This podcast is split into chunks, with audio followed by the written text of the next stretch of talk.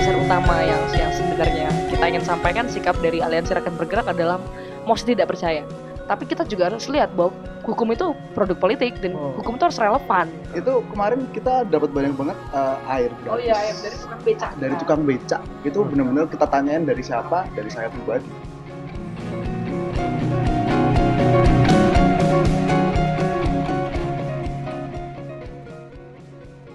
Sekarang kita ada di episode ketiga masih tentang Gejan memanggil episodenya pendek-pendek ya biar teman-teman nggak ribet nyari gitu. Kalau biasa kan ngobrol panjang gitu ditunggu sambil tiduran besok dilanjutin gitu. Iya, Tapi iya. kelihatannya kelihatannya eh, biar biar lebih tersampaikan dipotong-potong deh kelihatannya biar oke gitu. Masih bersama teman-teman dari Aliansi Rakyat Bergerak Gejayan memanggil. Oke, pertanyaan berikutnya. Alah, makanya ujian. Jalisan. Eh, Jalisan lu. sebenarnya apa sih yang yang dituntut sama Aliansi Rakyat Bergerak ini? Oke. Eh, dasarnya adalah eh, kita dasar utama yang yang sebenarnya kita ingin sampaikan sikap dari Aliansi Rakyat Bergerak adalah mosi tidak percaya. Mosi tidak percaya kepada DPR. DPR Oh. dan elit politik juga sebenarnya elit ekonomi yang terlibat. Karena kita sadar bahwa eh, ini juga di- ditulis dalam kajian bahwa memang sekarang proses pembuatan kebijakan itu sangat dipengaruhi oleh yang namanya policy network. Nah, policy network ini banyak banget isinya ada top level birokrat, Polisi ada di sini maksudnya polisi ini ya. policy, policy, Polisi pakai C, bukan polisi Ah, iya, iya. hongip. Oh, ya oke, bukan lanjut. polisi aparat ya. Bukan policy. sipil. ya. Wah, orang Jawa ini kalau policy network. Nah. Coklat. Iya. Ya, terus.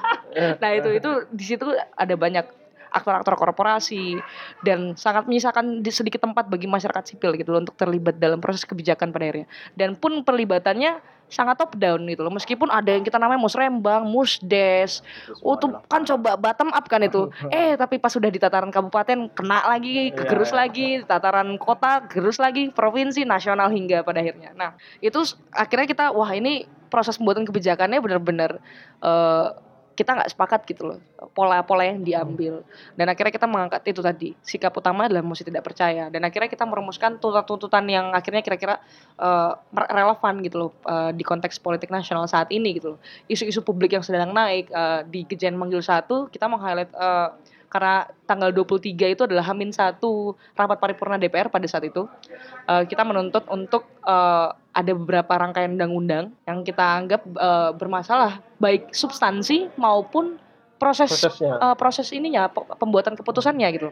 Kita ngangkat UU KPK, kita ngangkat RKUHP, eh, apa namanya kita juga angkat beberapa undang-undang lain. Kita ngangkat pengesahan RUU PKS, kita ngangkat juga penolakan terhadap RUU pertanahan, ketenagakerjaan dan sebagainya gitu. Di sisi lain kita juga nggak mau abai dengan isu-isu publik lainnya seperti eh, kebakaran hutan yang kita tuntut sederhana sebenarnya Eh, bahwa ada ada eh, gap pengetahuan terkait isu kebakaran hutan ini. Eh, ada gap informasi yang yang yang yang eh, belum transparan. Siapa sih pembakar perusahaan-perusahaan yang terlibat gitu loh. Eh, kenapa kemudian antagonisasinya justru terjadi eh, dan ditempatkan pada petani-petani kecil gitu loh. Peladang misalkan. Nah itu akhirnya kita anggap problematis kita angkat juga gitu. Di sisi lain juga eh, teman-teman Papua gitu loh. Hmm. masih ada informa ket- keterbatasan akses informasi di sana kita angkat di sana. Nah memang di Gejan Manggil satu kita meng-highlight bagaimana DPR gitu loh. Bagaimana eh, apa negara lebih tepatnya negara kemudian eh, memiliki pola pembuatan keputusan yang sangat tidak partisipatoris Nah, kita menuntut ke sana gitu loh. Nah, di Kejayan Manggil 2 kita mencoba untuk eh, lebih responsif lagi. Eh, jadi sel- selain kita memper, apa, memperjuangkan apa yang sudah kita tuntut sebelumnya, kita juga melihat konteks eh, apa namanya isu nasional saat saat in- saat itu gitu loh. Akhirnya pada, tanggal 30 poin poin pertama tuntutan kita adalah menolak segala bentuk eh, represi gitu loh. Kita menolak tindakan represi dan kriminalisasi eh, terhadap eh, aktivis di segala sektor gitu. Karena itu terjadi gitu. Di nasional terjadi di mana-mana. Nah, akhirnya kita jadikan itu eh, salah satu poin kita gitu loh.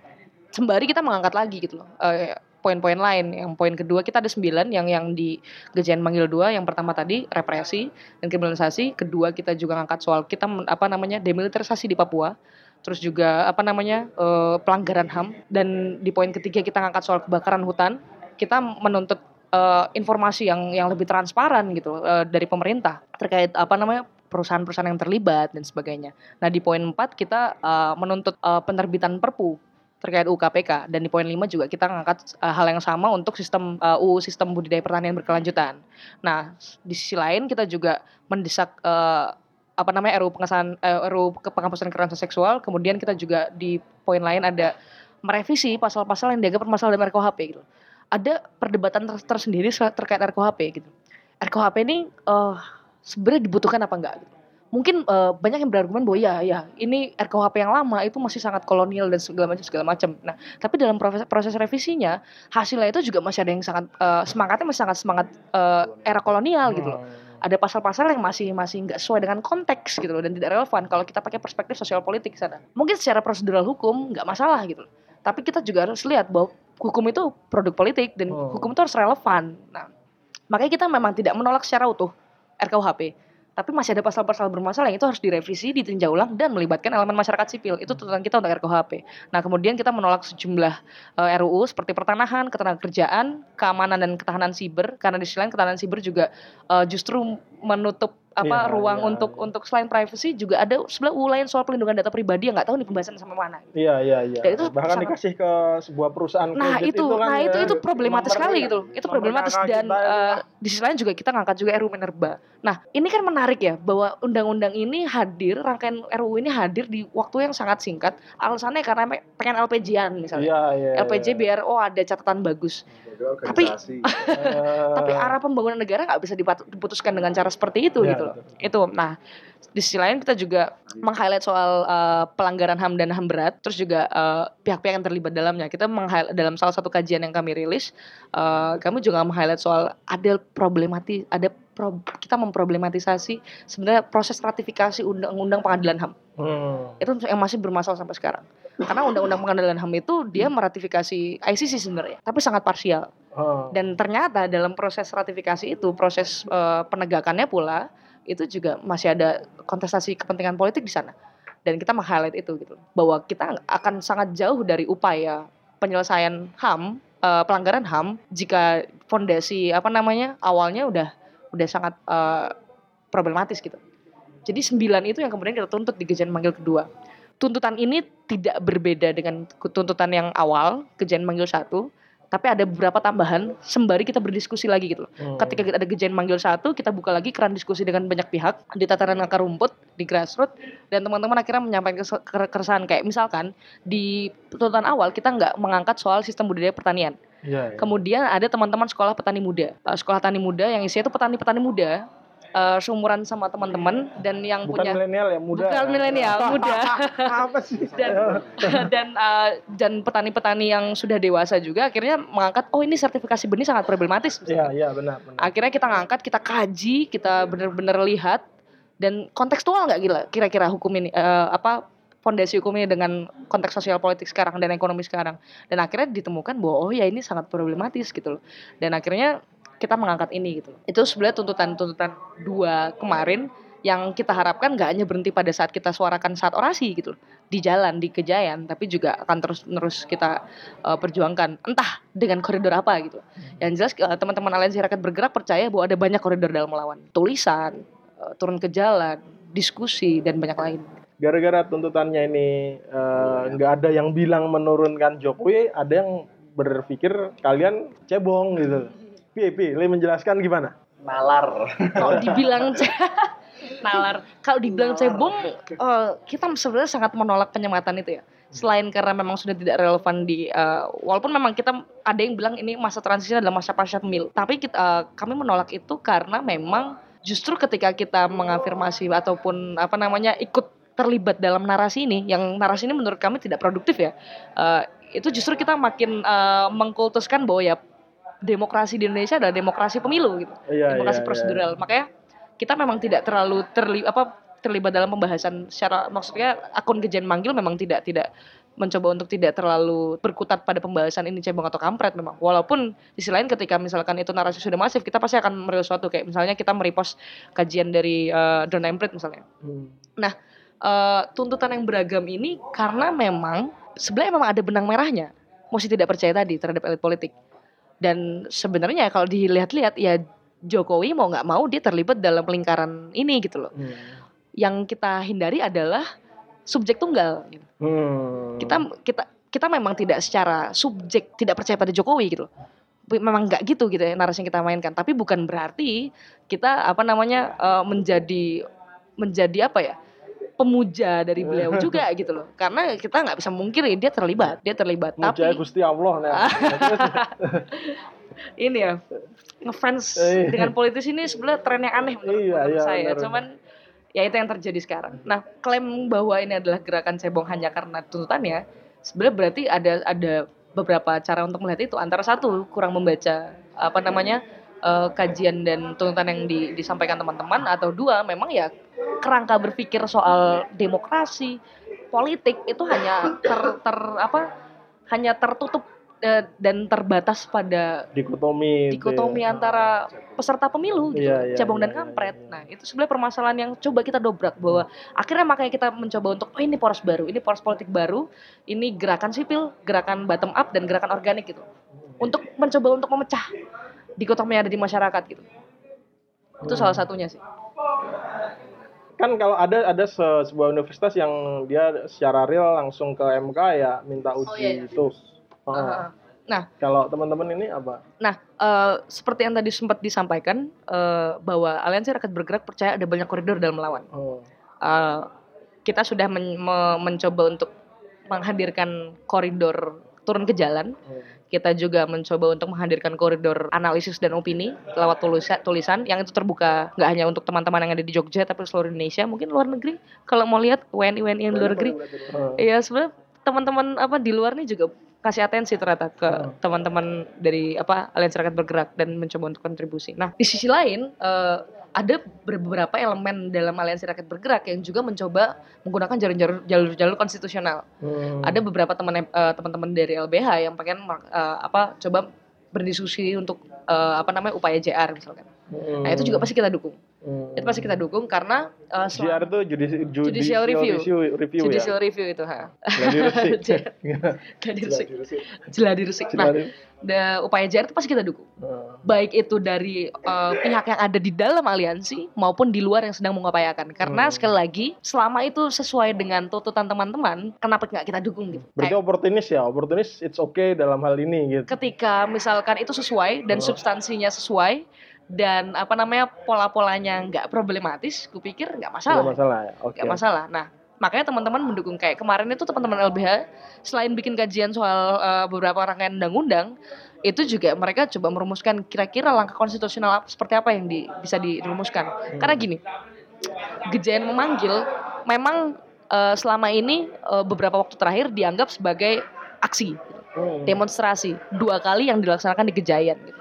Tapi satu hal yang ingin disampaikan oleh teman-teman Aliansi Rakyat Bergerak adalah baik Gejayan manggil eh, output dari Aliansi Rakyat Bergerak maupun aliansi itu sendiri itu tidak hadir untuk menutup suatu kesimpulan. Tanggal 30 September kemarin bukan suatu kesimpulan gitu. Hmm. Tapi justru kami ingin mencoba untuk membuka percakapan gitu Hmm. bahwa langkah-langkah seperti apa ada akan ada keheningan di beberapa waktu ke depan. Hmm. Itu yakin Hmm. eh, periode apa DPR sudah dilantik, eh, sebentar lagi presiden dilantik, akan ada beberapa waktu dan itu ada, ada jeda, ada keheningan. Pertanyaan adalah what's next, apa yang harus kita Iya. lakukan untuk mengisi keheningan keheningan itu gitu.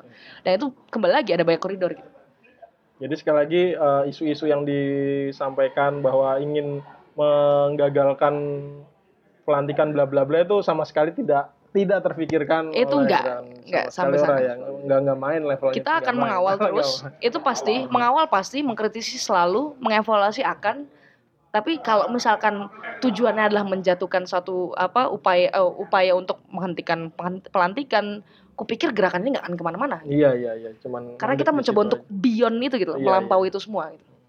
betul betul itu tadi eh, apa ya langkah-langkah untuk orang-orang yang udah melek yang yang rajin membaca ya gimana untuk rakyat bawah yang paling pol dia membaca tweet Twitter bro, naksir.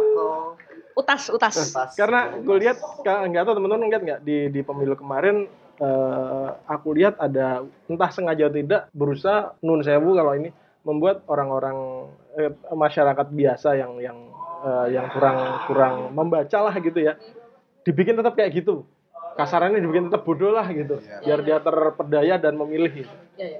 kan itu itu dan itu jumlahnya banyak ya secara secara kuantitatif ya. Ah.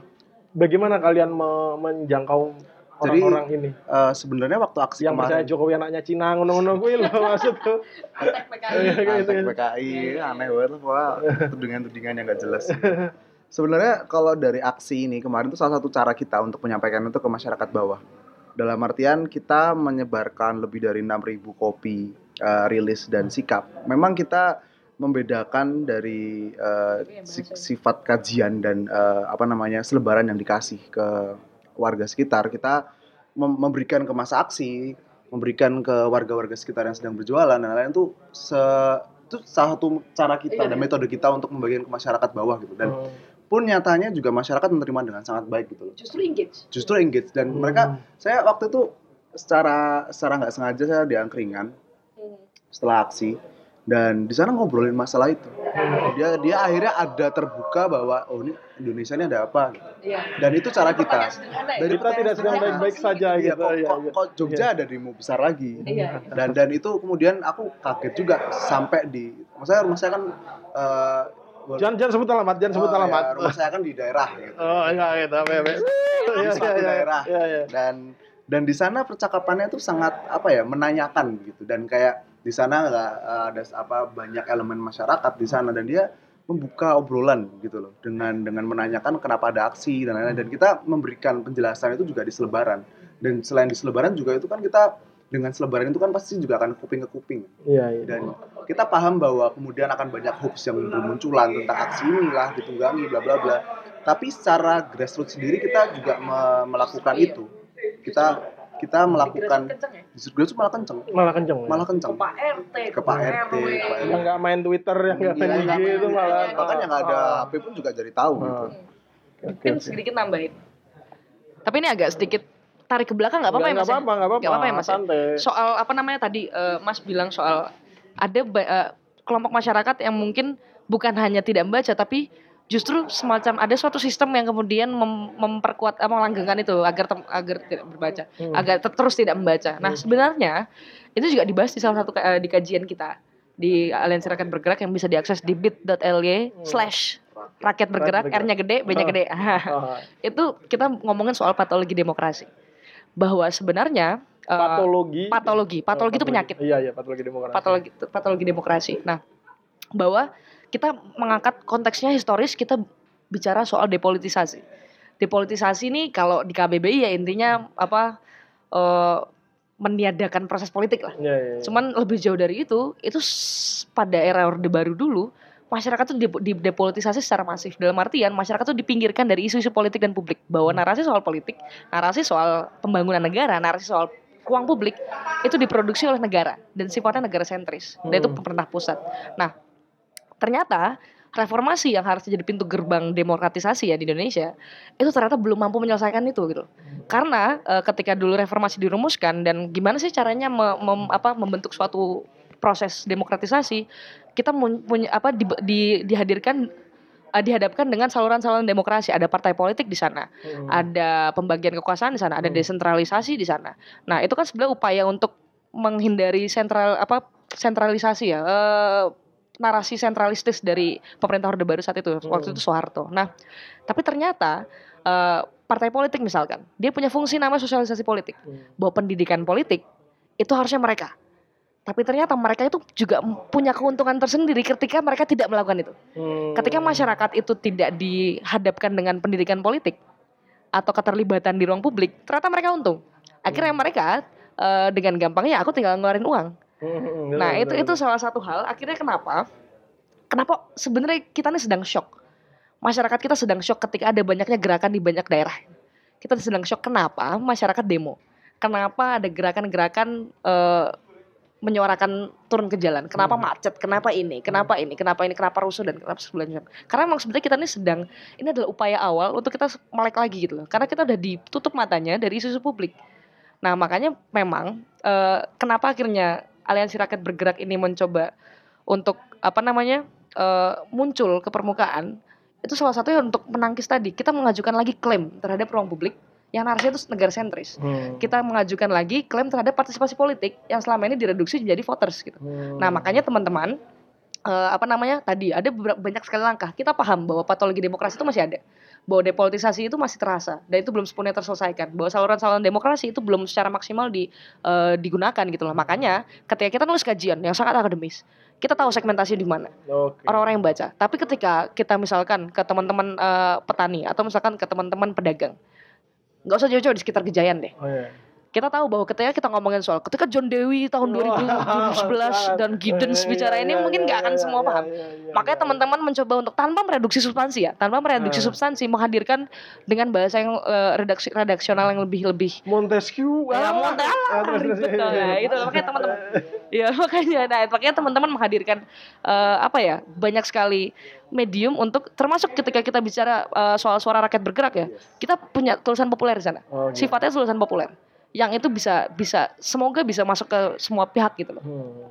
walaupun memang eh, kajian memang kita bikin secara akademik karena di sisi lain juga banyak sekali upaya delegitimasi gerakan yang bilang bahwa ini nggak ada basis akademiknya Iya, iya, iya, iya, Nah, benar-benar. kita menjawab itu dengan kajian. Ketika orang bilang, emang kalian bisa mem- apa? Emang pedagang-pedagang, eh, petani, eh, masyarakat di sekitar emang paham lah. Kita hadirkan lagi, kita counter lagi dengan eh, bahasa-bahasa yang lebih sederhana tanpa mereduksi substansi yang kita angkat gitu.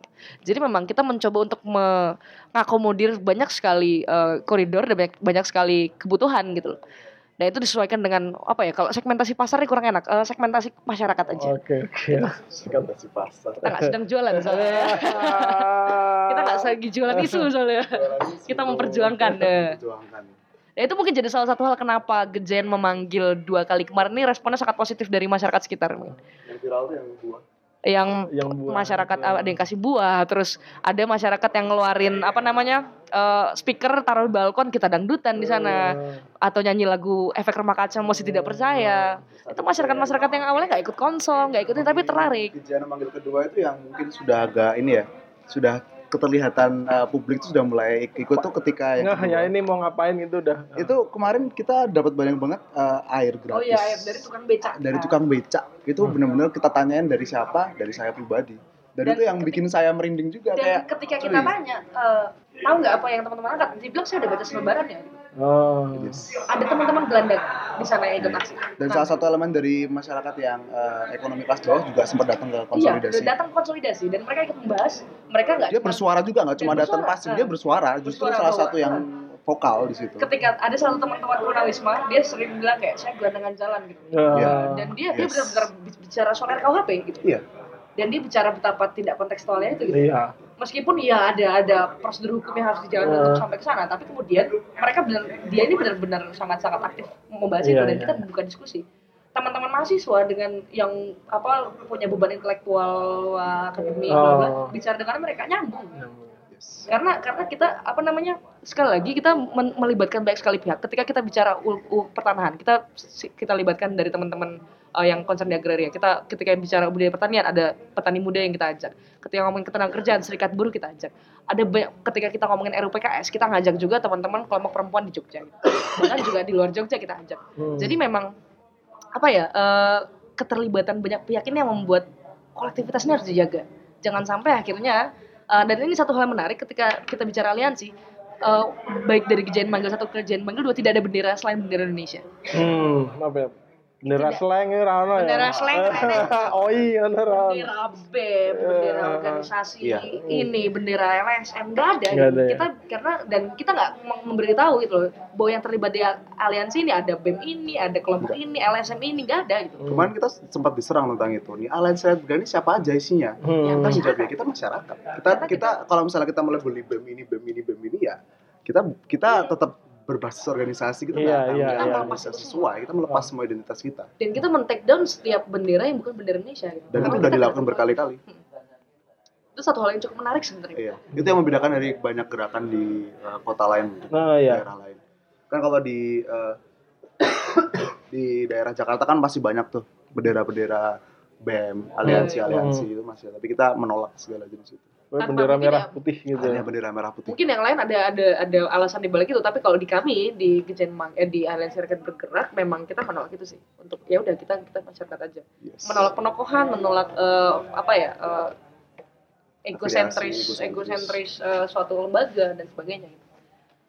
Karena sustainability kita at stake gitu kayak Oh. gitu itu hadir Oke oke. yang kita rumuskan waktu itu yang kita bahas.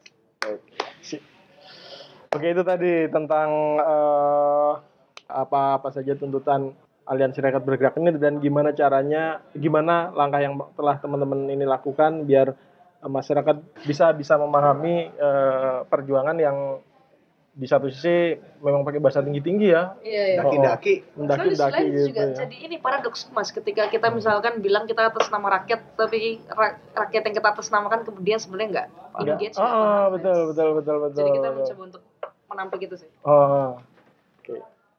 Itu tadi. Eh, di episode berikutnya kita bakal agak lebih teknis tentang eh, lebih ke undang-undangnya ya yang yang mereka protes mereka demo.